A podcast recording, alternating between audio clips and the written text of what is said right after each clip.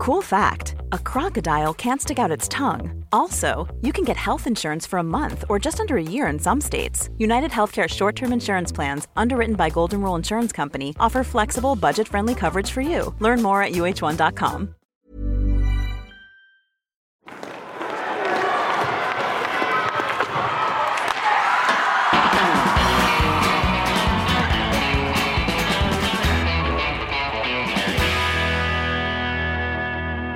Hockeysäsongen eh, börjar närma sitt slut, men vi har några godbitar kvar på schemat och dagordningen. Och det är dags för en ny podd här med Hockeystudion. Hur har helgen varit, Kolan? Nej, den har varit, eh, den har varit bra. Jag har varit hemma den här gången och fixat lite grann. Min pappa har varit här och hjälpt mig med växthus och lite andra grejer. Så det har varit fullt upp. Och eh, Du har byggt en poddstudio. Kan du berätta för våra lyssnare vad du har gjort? Ja, men jag fick ju påbackning från dig att mitt ljud inte var så bra. Så nu har jag byggt in mig bredvid sängen och lagt upp kuddar och textiler så att det ska fånga upp ljudet bättre. Så vi hoppas att alla lyssnare får en bättre upplevelse. Ja, du kanske kan lägga ut på dina sociala medier hur, hur, vilka uppoffringar du har gjort för våra lyssnare. Ja, men det ska vi göra, absolut. Eh, vi studsar direkt in på den hockeyallsvenska finalen och det har väl inte undgått någon att eh, den är uppskjuten på grund av corona. Mitt i den här finalen vid ställningen 1-1. Först vart ett utbrott i Björklöven, sen givetvis med brev på posten vart ett utbrott i Timrå. Vad har ni för eh, tankar på det här, Abris? Ja, det var väl lite grann det där vi befarade. Att, att både när det gällde nedflyttning i worst case scenario, när det gällde nedflyttningsfinalen eller den här uppflyttningsfinalen då, som kanske ändå är det som de två serier som, som gäller allra mest. Att det skulle bli någon typ av det här och att det inte skulle kännas att det blir riktigt ja, årets mest slitna eh, uttryck, då, men eh, rättvisa sportsliga rättvist sportsligt. Och det, det, nu har det drabbat Hockeyallsvenska finalen och det är, väl, det är väl jättetrist. Och vi vet väl inte riktigt vad det här kommer att mynna ut i riktigt heller. Jag menar, har Timrå fått in smittan nu också så kan det ju bli väldigt långdraget. Jag tycker det känns som ett riktigt fiasko, om jag får vara ärlig.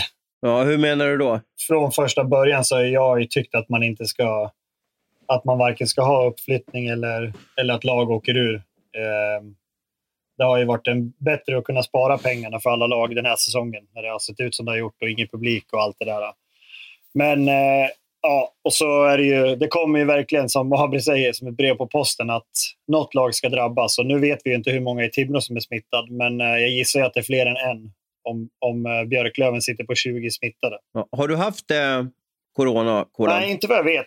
Jag, det här året som jag inte spelar har jag varit otroligt frisk. Så jag, jag, tror inte att jag har haft det. Jag har knappt haft en, en snorkråka i näsan. Så nej, jag, jag, tror inte det. Men du har ju haft covid, eh, Abris. Hur, Alltså jag bara tänker på hur rättvist den är. Alltså jag förstår ju om det är omgång 26 av, av SHL eller Hockeyallsvenskan, att man skjuter upp matcher och, och, så spelar man fler matcher. Men nu är vi alltså mitt inne i en matchserie, bäst av fem kan man säga, där, där längst bort då vid, eh, ja, på mållinjen eller, eller den som kommer först till fyra vunna matcher då vinner 50 miljoner typ per år. Det kanske är mer per år man vinner. Alltså effekten av att ta sig till SHL. Och om tre spelare, alltså vi säger tre tongivande spelare i Timrå blir, blir alltså riktigt sjuka och, och har svårt att göra sig spela, spela på sin normala nivå. Blir det en rättvis final det här? Nej, det är klart att det inte blir det.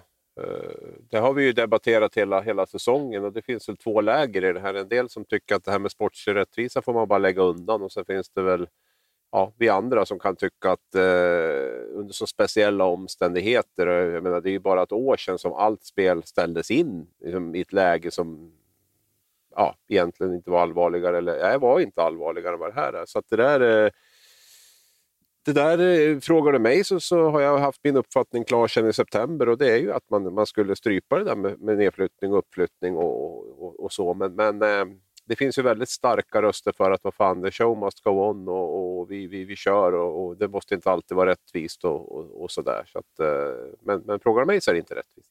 Vet ni att, eh, jag tror det var Simon Schemberg som skrev det på, på Twitter, att, att eh, Sverige är den enda ligan av alla stora ligor som har nedflyttning den här coronasäsongen. Tankar på det, Kolan? Nej, men jag tycker jag uttryckte mig ganska klart där, att det inte skulle ha varit någonting sånt. Um, det, det, känns som att det spelar mindre roll att man spelar ett slutspel.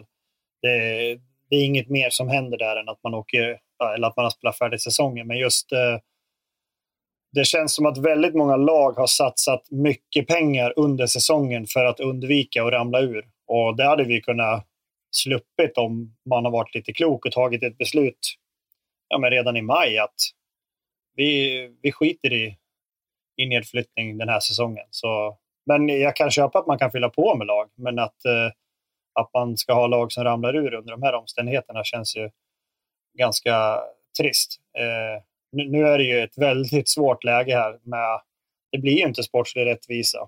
Eh, jag kan tycka att man skulle i sånt fall inte ens ha haft ett slutspel utan att eh, det laget som vinner Hockeyallsvenskan får gå rätt upp om det ska vara någonting sånt. För då är det ändå över 52 matcher och alla lag drabbas väl av det här. Men det blir så konstigt nu när ja, men nu har du ett helt lag som ligger i corona och så om en vecka ska de spela match igen. Eh, vi vet ju inte alls. Det kanske blir som, som för Leon Bristedt eller eh, de här killarna i Västerås, att man, man klarar inte av att spela. Det, man är helt off i, i flera veckor eller månader efter. Eh, och det har ju ganska stor, det har ju ganska stor påverkan på, på resultatet om Jonathan Dahlén och Jens Löke inte kan spela resten av den här serien för att de är sjuka till exempel. Eller om Björklöven tappar sin eh, amerikanska eller ja, kanadensiska kedja där. Det, det slår ju rätt så hårt mot ett av de lagen om det skulle bli ett sånt utfall. Både du och jag Abis, har pratat med Erik Ryman, sportchef eh, för Hockeyallsvenskan eh, och även vd Gabriel Monidell vad finns det för alternativ framöver? Deras tankar är ju att de ska starta igång 30 april. Eh, vad får du för mellan raderna? Vad, vad, vad, vad, tror du kommer ske? Vad jag förstår först och främst så är det väl liksom, det tar ju tid med testerna. Det är ju de här PCR-testerna och de går väl vad jag förstår via regionen i respektive län eller region eller vad det blir. Och det, det, det, det, det är ganska hög belastning. Alltså det tar ju tid liksom att få de där svaren till att börja med. Man har väl även något privat alternativ i Linköping, men det tar också tid för då ska de forslas dit och, och det där. Så att, allt hänger väl på, eller mycket hänger väl i alla fall på hur, hur Timbros tester kommer att slå ut här nu. För jag menar, får de tillbaka nu måndag eller tisdag och det, det, är fler smittade där, ja men då blir deras paus längre och då är spel på fredag helt uteslutet. Ehm, och då, ehm, då kommer det skjutas fram ytterligare. Då. Sen om det skjuts fram en eller två veckor, det kanske inte spelar så stor roll egentligen, då, mer än att det blir lite senare senare läggning av allting. Men sen har man ju övervägt och man har ju erbjudit från Hockeyallsvenskt håll att spela fem matcher och man har väl även tagit upp det här med VO-kortet och lämna walkover och sånt där. Men klubbarna vill ju, vill ju definitivt spela då, eh, sju matcher och man vill eh, att det ska spelas matcher framför allt och inte lämnas något no VO. Så där. Det är väl ungefär där det ligger. Men, men att det kan bli väldigt utdraget det här, det är väl ingen, ingen vild gissning kanske. Det känns ju inte som att de kommer börja spela om fyra dagar heller. Nej. Nej, det där, det där är ju väldigt speciellt. Man vet ju aldrig hur de mår. Och, och, och sen blir det Nej. ju så att det står ju så oerhört mycket på spel. Vi säger 50 miljoner spel i SHL. Jag menar, om, man ska inte vara konspiratoriskt lagd, men, men det är väl klart att man vill ge sitt lag bästa förutsättningar. Man vill ju inte börja spela om fyra, fem spelare inte är helt okej. Okay. Det vill säga, då, har man ju, då kanske man vill skjuta upp några dagar till och då måste ju båda lagen vara helt redo. Och vem som ska avgöra när båda lagen är redo, om det är, ja, vi har ett protokoll som finns, men det är ändå väldigt svårt att avgöra när, när, när är båda lagen redo att kunna göra sig själv rättvisa på isen. Jag tycker att det är, eh, den här frågan har tagit mig väldigt speciellt och jag märker hur infekterat det är mellan klubbarna. Jag märker hur fansen på något sätt bara sitter och är hur nervösa som helst. För att det är ju drömmen som finns där framme, det vill säga spel i, i högsta, högsta ligan igen för de här, för de här storklubbarna. Ordet är fritt. Ja, men så är det ju. Det är, alla fansen vill ju att de här lagen, ja, det lagen man hejar på ska ta sig upp. Och man, man blir ju såklart irriterad. Speciellt då kan man ju tänka i, ur ett eh, Timrå-perspektiv. Man går och vinner med 7-0 och man vill ju bara spela match igen. Och Björklöven har, har spelare borta och så vidare. Så det förstår man ju verkligen. Det kom ju väldigt lämpligt det här med att, att det här ramlade in i truppen. För Björklöven såg ju inte jättepigg ut i match två, det kan vi inte säga. Och ser man deras historik, Björklöven, så har de skador på, på flera backar. De har spelat väldigt många matcher på kort, eh, på kort tid. Jag tänker på att matcherna mot Karlskoga gick till, till eh, Game 7, som man så populärt kallar för dem. Men samtidigt måste vi ju...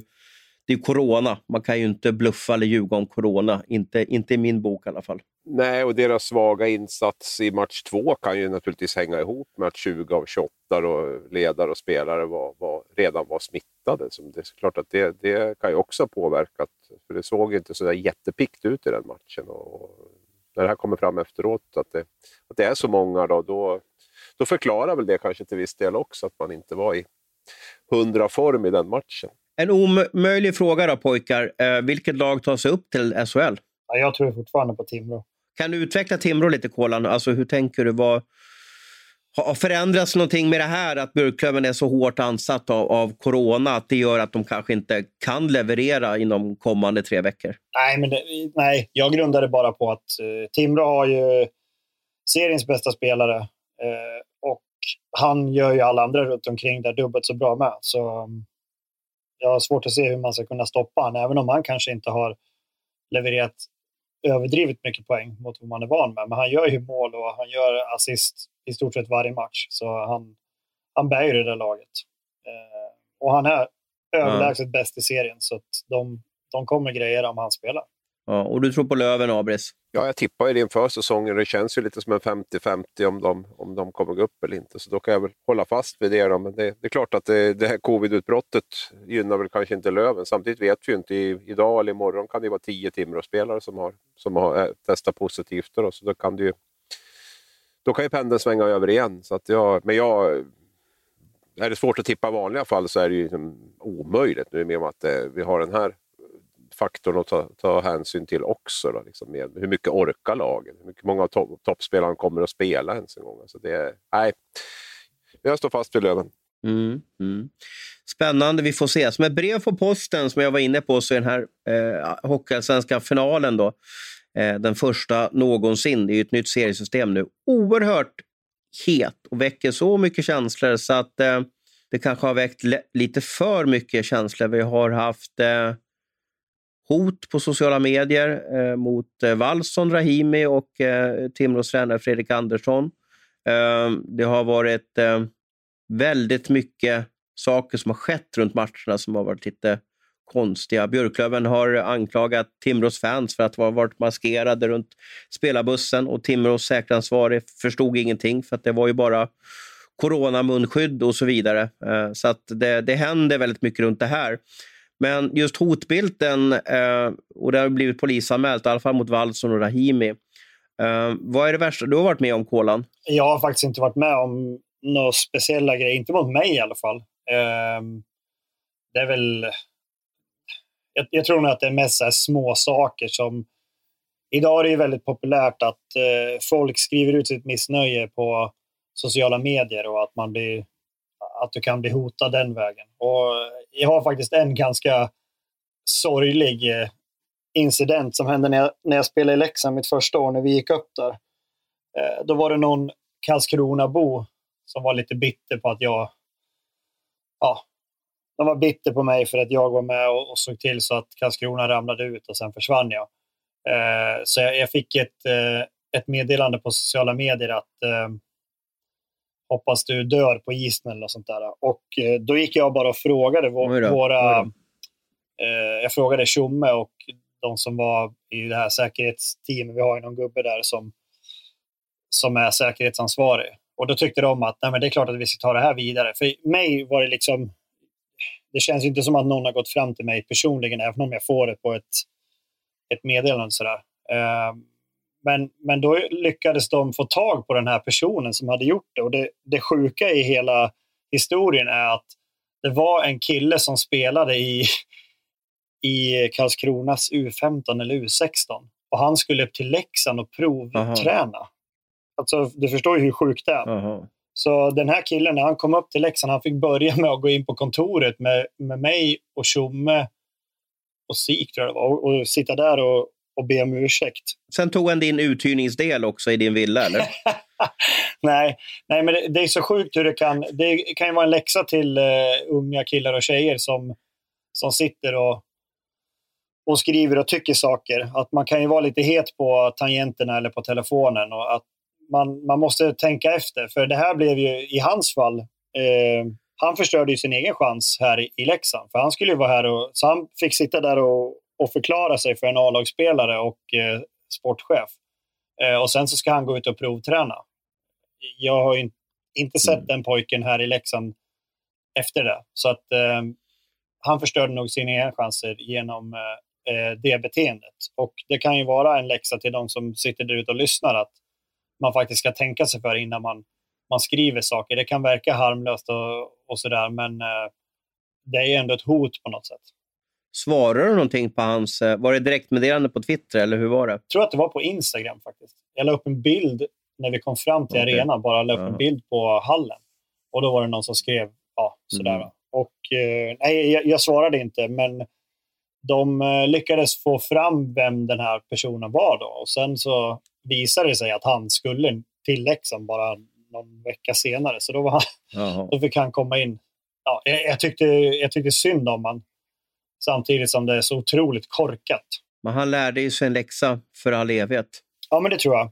Det, det är jag nog rätt övertygad om. Ja. Vad har du varit med om, Abris? Ja du, det är mycket det. Allt från Hells Angels och till eh, halsen avskuren till eh, ja, diverse. Jag vet inte allt, men, men man är väl bra på det. där har du inte berättat. Hells Angels? Det ja, spännande. det var i någon semifinal för ett x antal år sedan där som det var någon jag kommer fan inte ihåg hur det var, men jag vet inte om jag googlade telefonnumret i alla fall som ringde och att det var någon typ där i det, den stan där med någonting. Ja, det var, det var, det var, jag har väl förträngt mycket av det där, men det var någonting med det i alla fall som, som eh, att de kontaktade mig på något sätt. Och Sen vet jag inte exakt hur det, hur det, hur det gick till och vem, om de hade fejkat numret eller hur det var. Det, det vet jag inte. Men, men det var i alla fall laddat där i en, i en semifinal för, för rätt många år sedan. De kanske vill hyra din sommarstuga där i Gästrikland? Ja, ja, det var väl vid 12. Det var direkt någon timme efter matchen. Där, så jag vet inte fan om det var det de var ute efter. Men, nej, men det har väl varit. Det har varit mycket. Men det är klart, jag vet inte. Man blir ganska, man blir ganska luttrad. Så är det väl. Och man kanske får ta det när man sticker ut hakan och skriver saker. Så det är väl, det är väl så. Um... Hur ska jag bräcka det här då? Eh, dödshot och Hells Angels och vad var det, halsen avskuren. Sa du så, Abris? Eller? Ja, det brukar mest komma var, Vem var halsen östra, avskuren då? Östra, det... östra grannlandet brukar bli mest arga faktiskt, så att, eh, när vi skriver om landskamper. Så de, de, brukar, de brukar kunna vara ganska drastiska ibland, om man säger så. så att, eh, ja, nej, men det, det är sånt som händer. Jag vet det. 2006, OS-finalen, Tre Kronor-Finland. Eh, Tre Kronor vinner en magisk OS-final och Sundin, Forsberg, Lidström är inblandade i det avgörande eh, eh, målet där. Eh, efter det så skulle väl vi på Sportbladet vara lite roliga. Eh, jag vet inte om ni kommer ihåg eh, medaljerna från Turin. De såg ju ut som ja, ett O, kan man säga det? Ananasskiva, eller vad var det? Exakt, jag försökte komma dit. Ja. Vi gjorde som en, en, en sida där. Var inte ledsen Finland, så här gör ni en egen guldmedalj. Och så tog vi eh, godisremmar, eh, röda typ, då, om det var jordgubbssmak eller någonting på dem. Och så hängde vi upp ananasskivor i dem. Och så kunde man då... Det här var ju liksom med kvällstidnings... Eh, touchen på det hela. Men det, det slog ju väldigt fel. Och man löpte totalt amok i, i Finland. Och, och det gick knappt att svara telefon på desken. Och det gick knappt att kolla mejlen för att eh, det var väldigt många Joha och Jarko som, som mejlade till oss och, och, tyckte nog att de nästan kunde bränna ner hela Schibsted. Skrev de på finska eller svenska? Jag tror att det var lite blandat, kanske någon på engelska också. Men, men de var arga, de var riktigt arga. Var inte det kul det där kolan? Eller hade du blivit arg om, om, om du hade varit med om, om en, en sån där liksom, grej? men jag, jag är ju ingen allvarlig person så jag hade absolut inte blivit arg. Eh, men sen finns det ju sådana som är helt galna. Och, ja, de har ju väldigt lätt till att... Du måste ju tänka på att vi är ju lättkränkta idag. Man, man kan ju inte säga eller göra någonting. Det trampar alltid någon stackare på tårna. Så det är väldigt svårt idag hur man ska... Är vi mer lättkränkta än förut? Ja, det är vi. Det tycker jag absolut. Ja. Ja, ja. Det om eh, samhällsfrågor eh, och sociala medier. Vi har också ett eh, slutspel som pågår där eh, vinnaren vinner Le Mat. Jag är oerhört imponerad över Rögle som har vunnit sex raka segrar i slutspelet.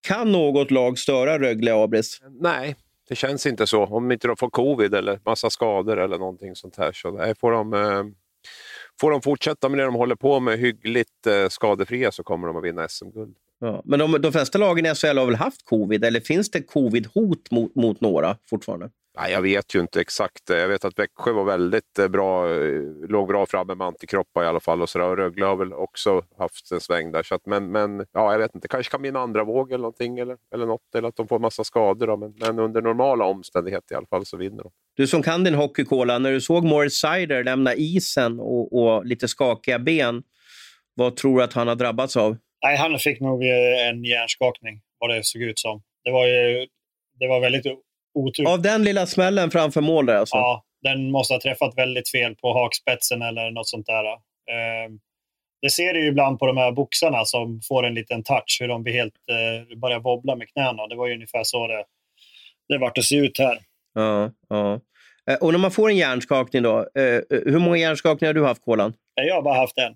Okej, okay. när var den och om du utbildar våra eh, lyssnare, vad sker när man som elithockeyspelare får en hjärnskakning? Vad, vad, vad ska man genomgå och när kan man vara med på isen igen? Det, det är ju så här, det, det, är lite svårt att veta om man har en hjärnskakning om man aldrig haft det innan.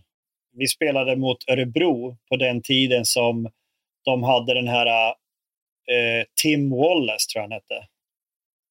En högerfattad kille. Ja, han spelade i Brynäs sen också. Eh, han delade ut en del rätt så tunga tacklingar. Och han tog mig utan att jag... Jag såg inte han. Jag hade en kille i ryggen som jagade mig. Så sträckte jag mig och skulle peta iväg pucken. Då kom han från ett annat håll och totalt körde över mig. Så hjälmen flög av som en champagnekork. För jag hade ju hakremmen knäpp, men den, hjälmen åkte rakt upp i luften ändå. Så den, spännet satt kvar, men hjälmen flög av i vilket fall. Eh, och sen så... Men jag upp fort som tusan och spelade färdigt bytet och sen åkte jag till bås och, ja, och jag kände att det inte kändes speciellt bra. Men eh, jag spelade färdigt perioden, kommer jag ihåg. Jag tror att det var fyra, fem byten till. Och, eh, vid två tillfällen, så när jag bara åkte rakt framåt, så ramlade tandskyddet ur mun på mig. Det var som att det inte gick att stänga munnen. Jag var helt, helt off. Eh, och sen i pausen så sa jag det, det här går ju inte. Det, är något som är fel. För jag hade aldrig haft hjärnskakning, så jag visste ju inte riktigt hur, hur jag skulle må. Eh, men sen blev det bara sämre och sämre. Och bussresan hem och allt det där, då är det ju bara svart. Och man, man har ju svårt för ljud och eh, ljus speciellt. Eh, så man, man vill ju helst bara ligga och, och vara i fred. Och sen så är det ju så ett par dagar, eller det kan, för vissa kan det vara veckor, månader, en del försvinner det aldrig på. Men som för mig, då, jag, det första gången jag får det, eh, jag tror att det tog ungefär fyra, fem dagar innan jag började känna att det är okej. Okay. Och då går man igenom något som kallas för järntrappan. Så då finns det olika steg som man ska, som man ska klara av innan man får återvända till isen. Eh, och Jag tror att nu för tiden så har man gjort ett test, en massa olika papper som man ska, ungefär som att du gör ett matteprov. Eh, och då får du ett resultat när din hjärna är frisk. Och sen så får du göra det här när du har fått hjärnskakning. Och så ser man ju hur man ska komma upp i typ samma. Då, då, då anses man som, som frisk igen. Eh, ja. Och sen så har den här järntrappan har flera olika steg. Jag vet inte exakt hur många det är, det är så länge sedan jag gjorde det där. Men jag tror att det är säkert fem, sex olika steg som man ska ta sig igenom. Och då, då börjar det med att du kanske cyklar en kort stund ena dagen och sen nästa dag så kanske du får göra lite mera och sen så slutar det med att du får börja smyga på isen och köra själv. Och till slut är man tillbaka i, i full träning och sen sista steget, då, då är man redo för match. Så det är väl så det ser ut kortfattat. Så är det hjärnskakning så kommer vi inte se Seider någonting före uh, finalen, så kan man säga? Nej, det blir väl minst en vecka då, om, om han nu har hjärnskakning. Rögle storhet Abris då, vad, vad, nu tycker jag att det, det är ju inte ens liksom på något sätt deras första kedja som levererar, utan det är andra det är andra formationer som kliver fram. Det känns som att de har byggt en maskin där nere som, som Och alla är stora som hus. Adam Edström där är, är så fascinerad över 2.03 som bara öser på och, och, och har gjort ett poäng per match här. Eh, de, de har nästan toppat formen också till slutspelet, Abris. Ja, nej, men de, de, de, de lyckas med, med allt eh, där i Ängelholm på något sätt. Spelare blir bättre, de ser fräscha ut, de toppar formen. De, är, nej, de, de gör det sjukt bra måste jag säga, bröderna Abbott. Där. Och sen, sen det här med tredje och fjärde kedjan, det är ju det är samma i Växjö och Örebro. Där, att det, de två första tar mer eller mindre ut varandra lite grann, så det handlar väldigt mycket om Jag menar, det är Karlström, Holmberg och Sylvegård och till viss del även Josefsson där i fjärde. Det är det som är skillnaden, den lilla skillnaden mellan Örebro och Växjö. Och det är lite grann samma i, i Rögle-serien där med, med deras fjärde kedja som jag har gillat egentligen hela säsongen där med Mattsson, Ferguson och Edström som, som är eh, som är lite tungan på vågen i det där. För att eh, toppkedjorna spelar lite, lite oavgjort med varandra på något sätt. Och då, då, blir det, då blir det längre ner i hierarkin som det, som det avgörs. Sen, sen är ju Rögle, de, de, de lyckas ju kombinera alla de här sakerna tycker jag. Just med spelet, ett tajt försvarsspel, ett jävla liksom, disciplinerat jobb hemåt. Alla vet vad de ska göra, vilket också gör att de spar ju energi. Det känns som att de är fräscha i allt de gör. Att de lägger inte massa tid på på onödigt, på, på, på åka i onödan, utan man är jävligt tajta och spela enkelt ut från egen zon ibland, spela konstruktivt ut från egen zon ibland. Eh, bra variation i passningsspelet tycker jag också. Använder banan, bredd, djup. Ja, jag kan hålla på hur länge som helst, men jag, jag går lite igång på det och framförallt så tycker jag att det är vi ser också ett lite annat spel än det här bara ligga, nöta, nöta, checka, checka, backchecka, forechecka pressa motståndaren, utan det, det, är lite mera, lite tillbaka, ja, som det var för ett gäng år sedan, att man, att man har en bättre avvägning tycker jag mellan att gå fram och, och eh, dra sig tillbaka. Cool fact a crocodile can't stick out its tongue. Also, you can get health insurance for a month or just under a year in some states. United Healthcare short term insurance plans, underwritten by Golden Rule Insurance Company, offer flexible, budget friendly coverage for you. Learn more at uh1.com. Men om du får vara coach då, Kolan, för, för Skellefteå nu då, våra eh, Hedlund och Klockare och Falk där. Uh, nu är det match ikväll, så när ni lyssnar på det här så, så kanske redan Rögle är vidare till, till final. Då. Men vad ska man göra i Skellefteå? Man ligger under med 0-2 uh, eh, och det är bäst av fem. Det vill säga att man är 60 minuter från att spela färdig säsongen. Vad, vilka kort drar man? Vad, hur går tugget nu i, i ja, de kanske har värmning nu eller sådär. Vad, vad gör man för att liksom dra den här sista livlinan? Ja, jag tycker Skellefteå, de har väl eh, under hela säsongen, de spelar ju alltid med sju backar och de, alla ska vara så fräscha. Nu är det kanske läge att verkligen maxa de spelarna som, som ska göra det för Skellefteå. Eh, jag tycker att man kanske kan spela vissa spelare lite hårdare eh, och, och speciellt då på forwardsidan där du har några stycken som som eh, nästan alltid levererar.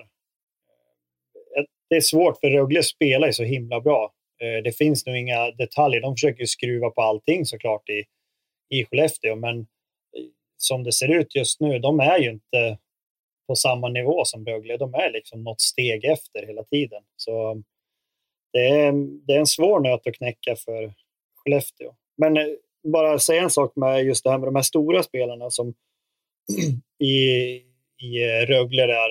Eh, jag tror att man i svensk hockey lite grann underskattar vikten av att ha några stora forwards i, i sitt lag. Speciellt när det blir såna här slutspelserier. Om du har, jag menar, Rögle har ju några stycken där som, som kan åka och, och smälla på. Det finns ju även, om man tänker, du har ju den där fjärde kedjan, men du har ju Erik Andersson, du har eh, Mattias Sjögren, du har Everberg. Det finns ju ganska många storvuxna spelare och kan du hitta sådana spelare som också kan eh, är duktig med pucken så i de här ah, bästa av sju eller bästa av fem, du kan ju trötta ut motståndarlaget ganska mycket genom att fullfölja tacklingar och så vidare. Det är jobbigt att spela mot de här spelarna.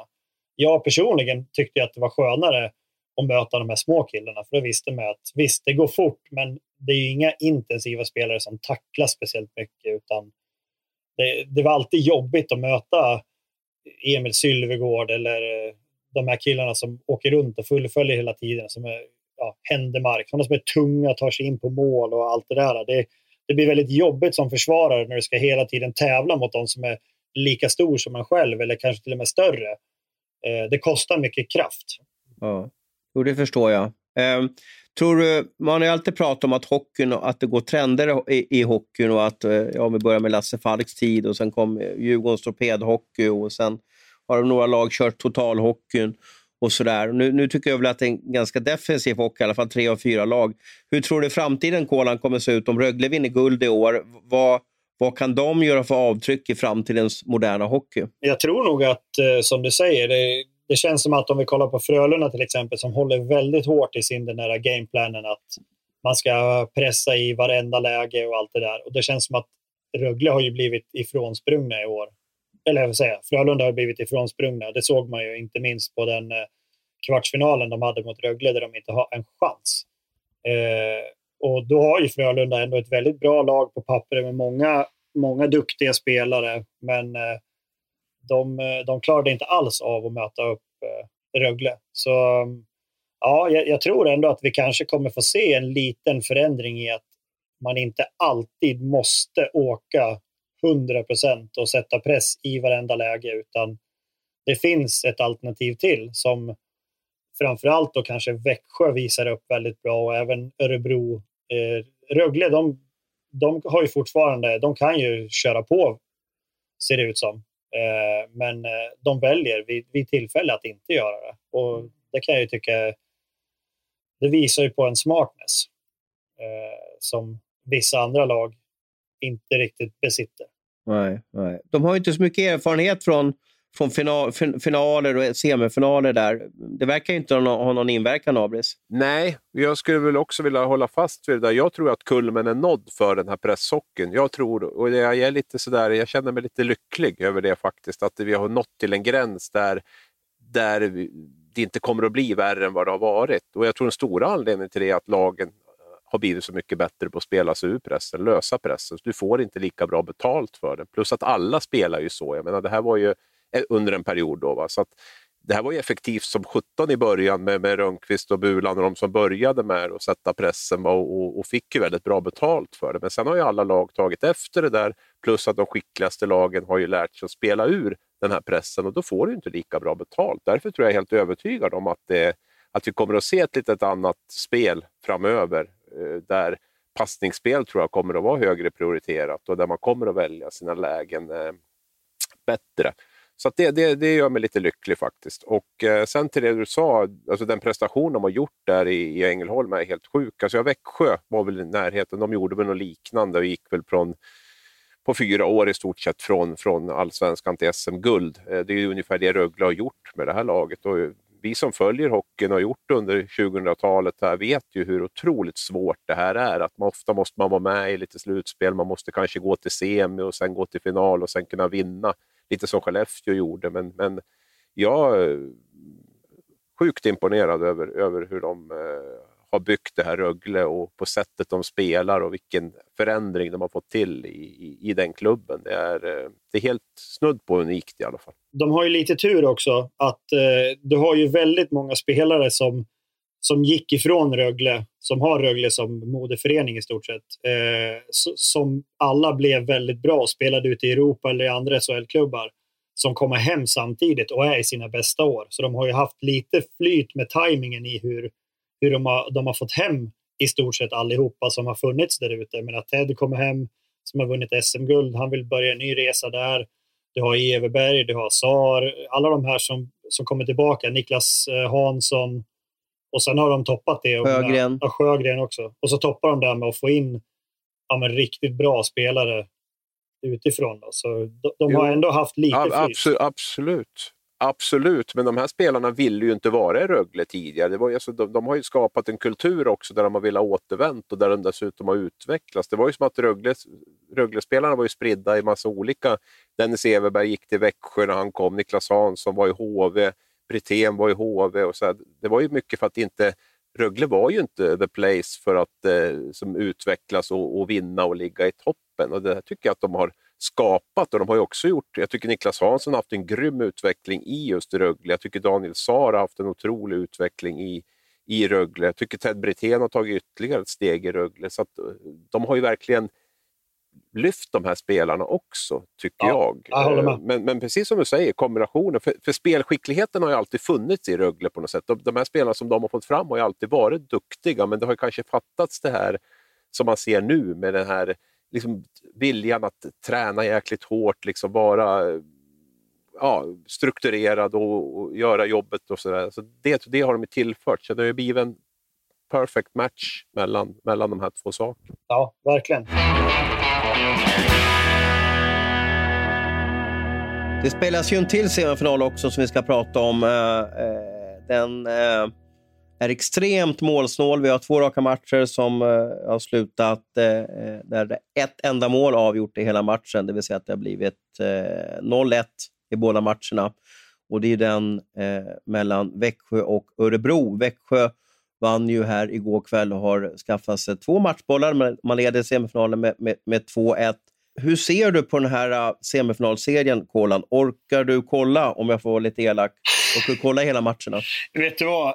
Den första matchen som eh, Växjö vann i sadden, jag är lite irriterad att matcherna börjar klockan åtta. Jag, jag tycker det, Varför börjar de inte sex istället? Och att man tar höjd för att det kan bli förlängning i matcherna. Jag tycker det är jättekonstigt. Varför börjar de åtta, Abris? Ja, det är tv som styr skulle jag misstänka. Och de går väl på TV4 en del av den här matchen, men det är väl, det är väl bara TV, TV-tider och eh, dyra TV-avtal som, som bestämmer matchtiderna, är min jag tycker 18.00 är perfekt för mig, tycker jag. Ja, men speciellt ja, när det är slutspel, eftersom att det kan bli förlängning också.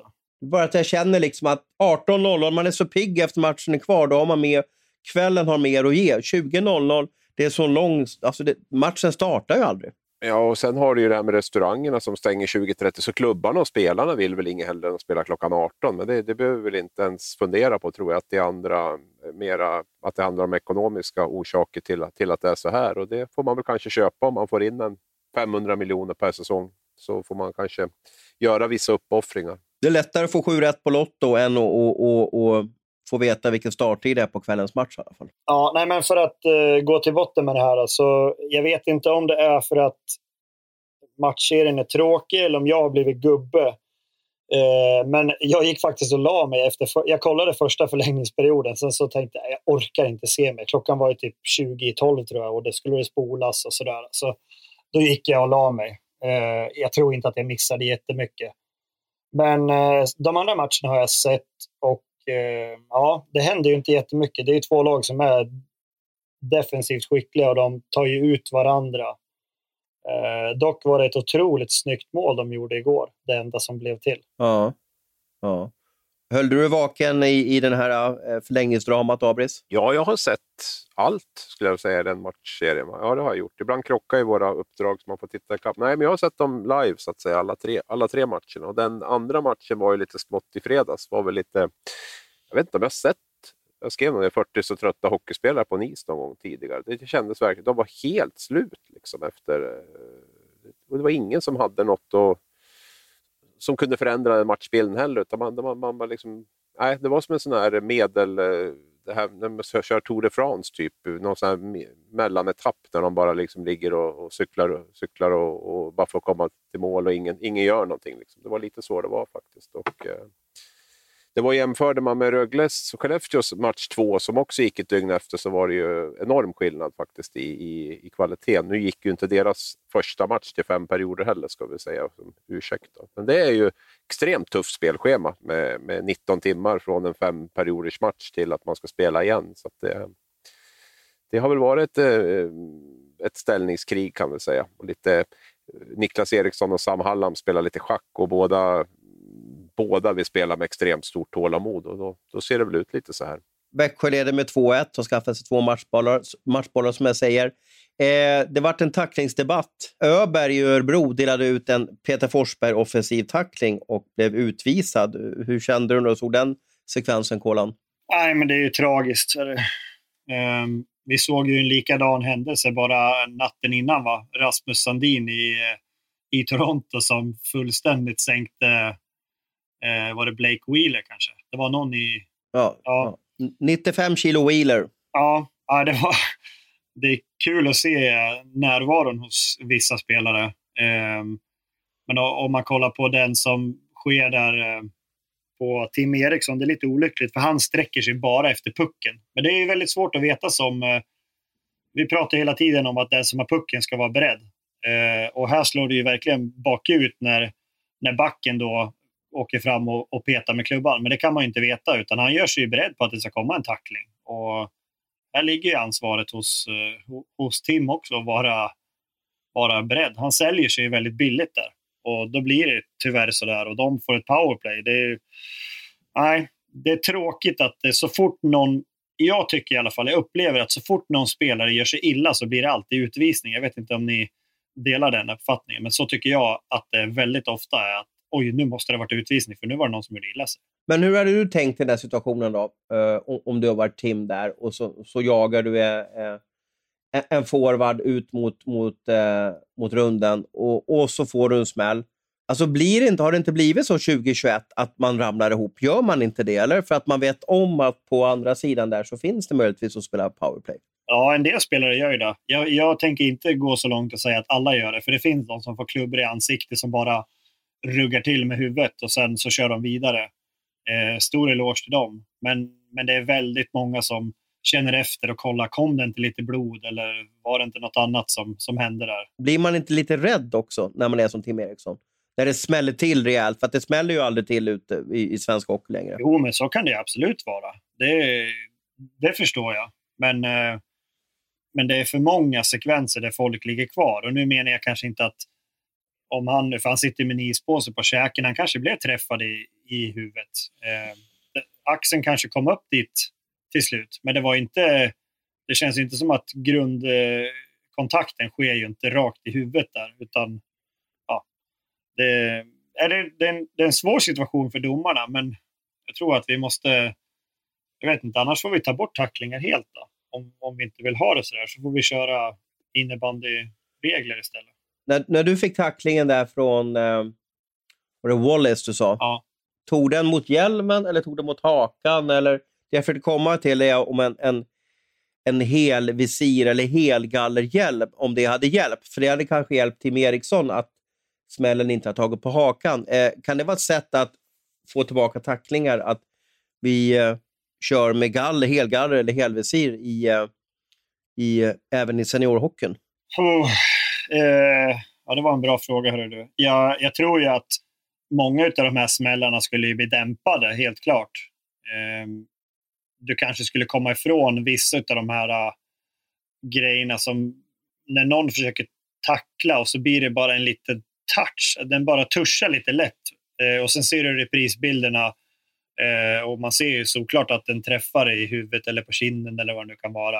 Men det är så lite som nuddar Eh, men ändå blir det matchstraff för att den träffar i huvudet. Och har du haft eh, har du helvisir eller galler då, då kanske det då kanske det inte blir lika illa för spelarna. Så ja, det kanske skulle kunna vara ett alternativ. Jag tycker det ser jävligt fult ut dock. Man kollar på finska ligan när de åker runt med, med helvisir. Ja, ja, vi får se vad de kommer fram. Undrar om det blir en debatt om, om tacklingar i sommar eller om vi kommer fortsätta på den här hårda vägen. Vad ska Örebro göra för att vända det här, Abris? Göra mål i powerplay. Ja. Det vart ju debatten efter matchen där att Niklas Eriksson då var lite beskyttad. Då. Hur väcker man ett powerplay då, Abris? Ja, nu tycker jag väl att man saknar kanske lite skills också där med, lane och borta och så. så att det, det, det, powerplay är ju det är ju mycket ett skicklighetsspel för mig i alla fall. Eh, sen kan du naturligtvis eh, spela på chans och skjuta och hoppas att det styr in och sådär. Men det är klart att det, det, för mig landar det mycket i den individuella skickligheten. Att, att, eh, att överlista motståndarnas boxplay som också är bra i Växjös fall. Så att, eh, det är väl lite det som kanske är Örebros dilemma på ett sätt. Man är bra när man spelar med fart, kommer med spelvändningarna. Sen kanske man inte riktigt har den där, har den där eh, skickligheten i powerplay där ja, skickligheten i laget för att liksom hota tillräckligt mycket i powerplay. Samtidigt har man ju, man har ju skyttar i, i både Ibert och, och Rendolic där som, som har hästsparkar båda två. Så jag, jag, jag, vet inte om man ändå skulle prova att försöka få lite mera avslut ifrån från dem. Eh, med förflyttning då givetvis. För de har som sagt de har några jävla kanoner bägge två, men jag ser inte så mycket av dem längre. Men Rendulic har ett jäkla skott, men jag tycker inte att man riktigt ser att han använder det så mycket. Så det kan väl vara en, en lösning då, nu om man inte har tillräckligt hög skicklighet. Ni hade ett fantastiskt powerplay, Binghamton, Kolan. Eh, om du ska ge några tips till Niklas Eriksson och, och Jörgen Jönsson där, som har hand om forwards. Eh, hur, hur, eh, hur gör man mål i powerplay? Ja, men jag tycker de ska börja med att skjuta. Ta skott ifrån de här, som vi säger, Ibert och Rendulic och Näckeve och Salo. Jag vet inte hur, hur mycket de är inne och spelar, men, men det är ju skickliga spelare som har bra skott. Och se till att ta, börja med avslut och sen när man väl har tagit avslut, när man får tag på den lösa pucken, det är alltid då det öppnar upp sig med spelare som är felorienterad. Det är lite svårt om det inte...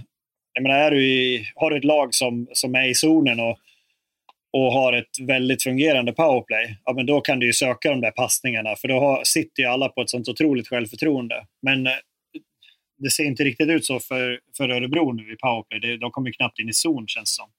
Men eh, då tycker jag man ska börja med det enkla och sen eh, när du får tag i pucken efter de här avsluten, det är alltid då som, som lägen öppnas. Det kanske är någon som har tappat en klubba eller någon ligger ner. Då kan man få de här genomspelen och, och, och sätta upp några riktigt vassa målchanser. Men jag tycker jag har sett den här säsongen, om det är 100 skott i powerplay som avlösas mot mål, så känns det som att tio går fram och, och till slut träffar målvakten. Det är en klubba, det är en block, det är, ja, jag vet inte. Så jag tycker de försvarande boxplayspelarna har blivit så fantastiskt bra på att ligga rätt i linje och liksom på något sätt inte bara åka med rakt fram, utan, utan man lägger sig ner som en vägg nästan. Så att det, jag, som back måste det vara omöjligt att få iväg pucken mot mål. Man får nästan börja liksom köra dragskott och lobba in dem för att få dem mot mål. Där.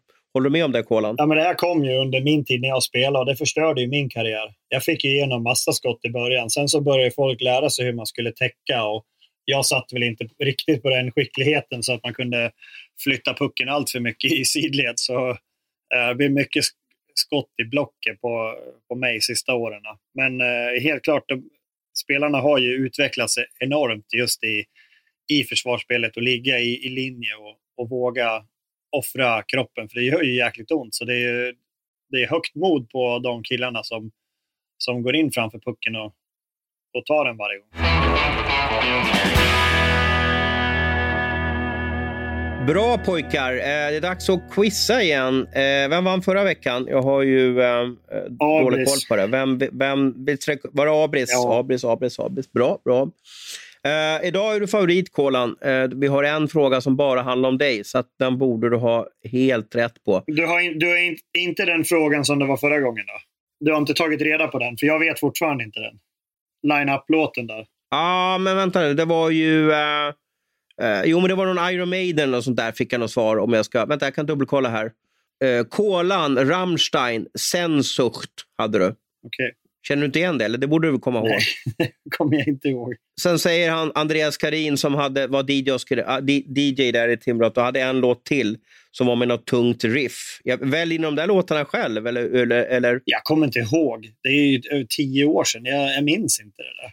Nej, det är ingenting om Rammstein. Är det, inte. det är mer basic än så. Fråga nummer ett. Cam och Chris Abbott gör succé i Rögle. De har varit många år i Europa nu. Jag vill veta vilken säsong startade deras Europaäventyr och i vilken klubb? Kolan har tryckt iväg svar. Bra.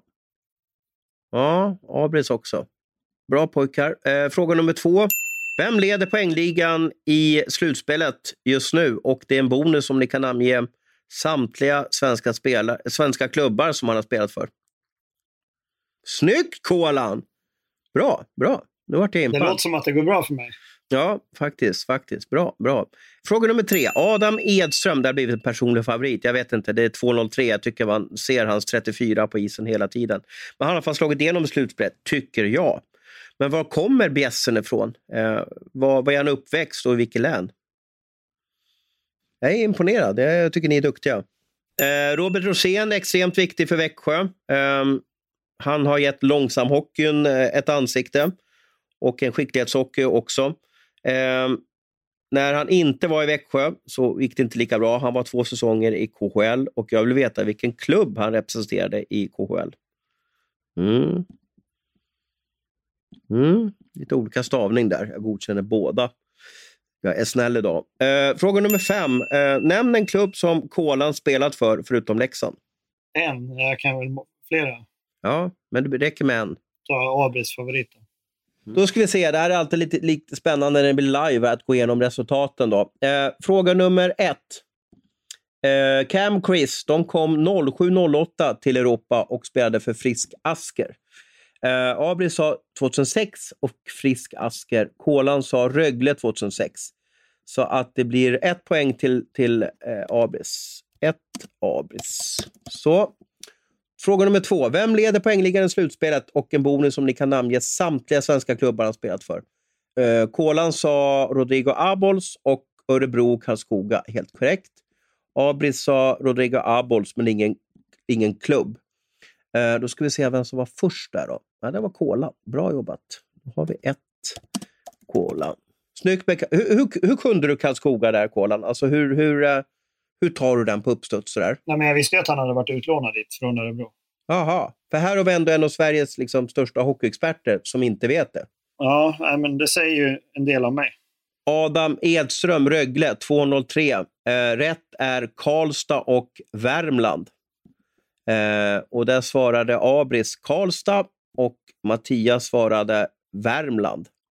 Så att det blev ett poäng till eh, eh, Abris där. Han var snabbare också, Abris. Eh, fråga nummer fyra. Robert Rosén. Där hade ni rätt båda två och eh, ni eh, stavade Sochi på olika sätt. Jag, jag godkänner båda, både den eh, jag har nog garanterat stavningen och den, och den europeiska stavningen. Det är Sochi som är, som är rätt svar. Abris svar snabbast där. Eh, nämn en klubb som Kolan spelar för förutom Leksand. Och, eh, Eh, det kan, du, kan du dra alla förresten? Om vi, vi, kan utöka sändningstiden till två timmar. Kan du dra alla dina klubbar du spelat för, Kolan? Guldsmedshyttan, Brynäs, eh, Almtuna, Karlskoga, Binghamton, Färjestad, Timrå, Cherepovets, och sen har vi ju Karlskrona och Leksand. Och HV också. Elva. Och, eh, Abris var ju smart där. Han skrev den klubb med... Eh, Cherepovets tar ju så lång tid att stava till, men, men Abris körde HV där. Så att, han hann före det också, måste jag säga. Där. Ja. Men, men du hade ju rätt. Men det, hastigheten är ju också en faktor i, i det hela. Så vi har 4-1 till, eh, till eh, Abris. Har du kvar matchtröjor från alla klubbar? Alltså har du sparat en minne? Uh, det var ju någon svensk ledare som ville ta med sig en, en skridskoslip från en klubb som har varit det. Det är kanske ett för dyrt minne att ta med sig, men har du tagit minne från några klubbar? Eh, jag har väl tröjor ifrån... Jag vet att jag har en tröja från HV i alla fall. Och så har jag, när jag var i Ryssland har jag tröja. Eh, jag har en tröja från eh, Timrå. Jag har inte jättemånga det är några stycken som jag inte har. Leksand har jag när vi gick upp då såklart. Ja. Sen ja. från USA där har jag bara All-Star-tröja som fick när man spelade den All-Star Game. Eh, men ingen, ingen Binghamton-tröja. Du måste ju göra en cool man cave där på Kärringberget Hills kan jag tycka. ja, det är det man, eh, man skulle önska. Vi får se vad, vad chefen säger om det. Det är en annan fråga. Precis, precis. Silly season älskar vi. Älskar du silly season-kolan? Alltså, tycker du det är intressant när du har lagt av att lyssna? Aha, vad tar Gunnarsson vägen? Vad, vad händer med han? och så vidare. Är du intresserad av sånt? Eller är det bara eh, vi skjutjärnsjournalister och en del av supporterskaran som älskar silly season? Eller går man igång på det här som ex-spelare också? För det är ju dina för detta kollegor som, som ja, byter arbetsgivare. Nej, men jag har alltid haft en, en förkärlek till silly season. Jag tycker det är jättekul och man blir ju... Ja, men, speciellt när det är såna här osannolika övergångar, men någon som man absolut inte tror skulle kunna hamna i den där föreningen eller sådär. Så men, jag sitter alltid varje dag och kollar på Elite Prospects om det har hänt någonting eller om det är några rykten eller något sånt där. Så, och sen får jag sms från dig titt som tätt ibland. När, I alla fall när jag spelade. Och då undrar du vad som händer. Men, eh, men, ja, men jag precis. vet ju aldrig någonting. Du vet ju alltid mer än mig, så du får inte så mycket hjälp av mig. Man har ju många eh, uppgiftslämnare och, och, du, du tillhör den här skaran spelare som, som jag uppfattade inte, hade så mycket koll. I alla fall så gav du inte det utåt. I alla fall. Eh, så. Det finns vissa spelare som jag hör av mig till som har stenkoll. De, de vet skostorlek och, och klubbar och, och, statistik på alla nya spelare som är på väg in. De, de är helt magiska på det där. Men det finns olika. Eh, vi älskar silly season och jag vet att många lyssnare älskar silly season. Eh, vad har du fått in på radarn till det här programmet, Abris? Nu landar den på mig. ja, ja, nej men vi, vi hör väl mycket att det verkar vara eh, sånt här lämmeltåg från HV71 mot KL, eh, Ryssland och deras grannländer vad jag förstår det som. Det Man kan väl, nästan hyra ett flygplan från Jönköping till, till Ryssland nu när spelarna åker över. Då. Ja, de verkar vara attraktiva där även fast de inte lyckades så bra i HV den här säsongen. Eller i alla fall inte lyckades så bra lagmässigt i HV den här säsongen. Då. Så det är väl, vi har ju redan berättat om Filip Sandberg och Erik Martinsson. Eh, Sochi var ju klubben där, eh, det vi har hört. Eh, hör också att Anton Vedin är eh, på stormsteg på väg mot KL. Det lär väl säkert vara en attraktiv spelare även för andra SHL-klubbar, men det verkar vara KL som är spåret där. Linus Fröberg är ytterligare en, eh, en spelare som vi hör är på väg till KL. Hade du klubb på Linus till och med? Eller? Riga fick jag in röksignaler eh, eh, från någonstans i Sverige att det var på gång. Då. Riga är en sån här klubb som jag blir jätteskeptisk till. Det brukar, det brukar alltid bli kaos där och så får man lämna efter halva det, säsongen. Det är dåligt betalt, det är kaos, man går aldrig till slutspel. Nej, men det är fan KL. Nej. Det är nära ja, hem också. Ja, ja. ja, ja fin, precis, stad. Precis. fin stad. Uh, när du hör vår silly season här uh, uh, så blir du... Alltså är det hur ska jag beskriva det för att inte vara dum här på något sätt? Men, men är det lägre klass på spelarna som får KHL-kontrakt nu än för tio år sedan? Vad säger du, Kolan? Både ja och nej. Eh, många av de här spelarna som får kontrakt är ändå sådana som är ledande spelare i laget. Men visst, eh, jag tror att skillnaden har blivit med att det delas ju kanske ut flera KHL-kontrakt med lägre summor. Det, det kanske inte är samma... Jag menar, förr så var det ju ja, men, eh, Tony Mårtensson och Weinhandel och det här gänget, de som var absolut bäst i, i Sverige. Eh, och de fick ju kontrakt därefter. Idag så tror jag att många kan åka på en mycket, ett mycket sämre kontrakt bara för att få chansen att visa upp sig. Eh, så man kanske har en annan inställning till det nu för tiden. Att du, du kan chansa och åka ett år och hoppas på att ge bra ifrån dig för att sen då få ett, ett bra kontrakt. Jag kan tänka mig att åker man till till Riga då, till exempel, eller som när Zagreb var i, i KHL, då får du ju sämre kontrakt, men du får en chans att visa upp dig i ligan. Eh, gör du bra ifrån dig så kan ju en, en bättre klubb ta dig och du får tre, fyra, fem gånger så mycket betalt. Men sen är det väl trevligare att bo i Helsingfors, Riga, eh, Zagreb, ja, eller kanske bo i, i, eh, jag vet inte vilka städer som är värst. Du, du kan ju de här ryska eh, vad ska man kalla det för, ställena på, på landet som, som kanske bara är att när man landar så är det bara ett tält och sen så bara ser man någon, ja, någon ishall, sen finns det ingenting mer. Jag vet inte om Novgorod och de här, hur de är, då, men, men, men man, kan, man har ju möjlighet efter en bra säsong i en, i en lägre rankad klubb att komma till någon, kanske Moskva-klubb eller, eller jackpotten är väl eh, kanske Jaroslav eller, eller Sankt Petersburg. Ja, men helt klart. Och det, det är det jag försökte säga lite grann, att många satsar ju på de här sämre kontrakterna. Och, men i Riga bor det ju väldigt bra. Och jag kan tänka mig för sådana killar som, eh, som är bosatta runt Stockholmsområdet så då kan det ju, det går ju många flyg varje dag, i alla fall innan coronapandemin. Eh, så du kan ju ta dig, är du ledig en söndag, ja, men då kanske du kan åka hem söndag morgon och vara hemma hela söndagen och sen tar du flyget tillbaka på, på måndag morgon. och hinner du ändå till träningen. Så att, eh, det finns ju en del fördelar med att vara där eller i Helsingfors också Helsingfors känns ju lite grann som, som Sverige ändå. Så um, ja, jag ser ändå uppsidan med att, att spela i de där klubbarna.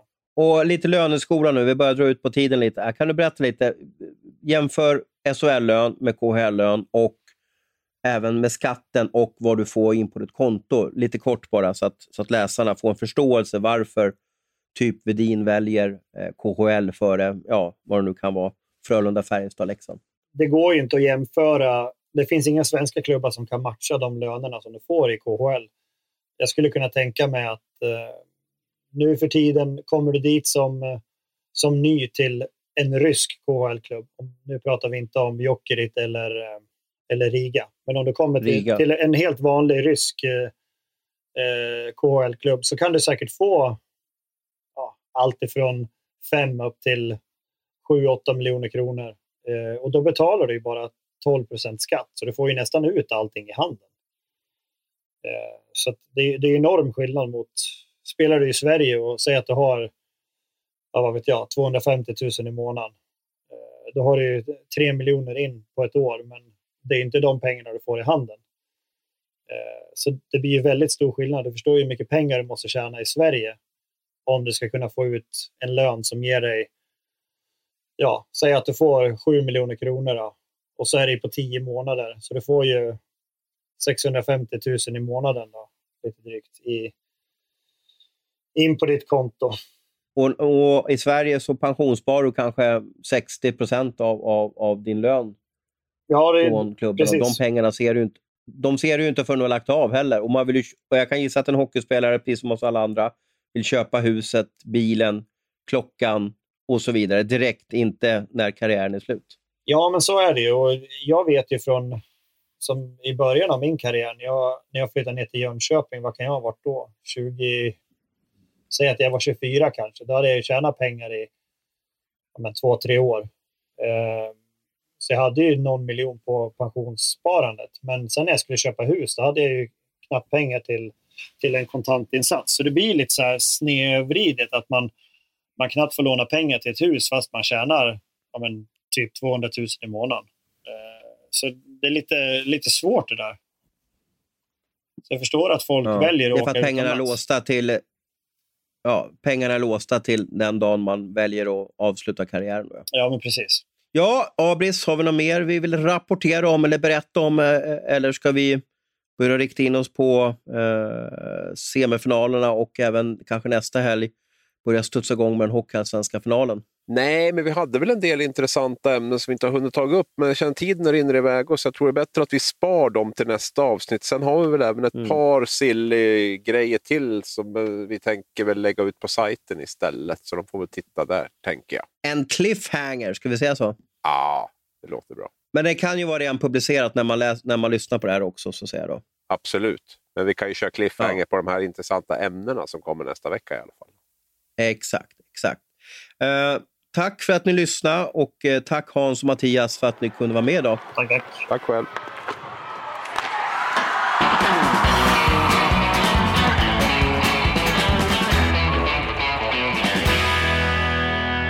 Du har lyssnat på en podcast från Aftonbladet.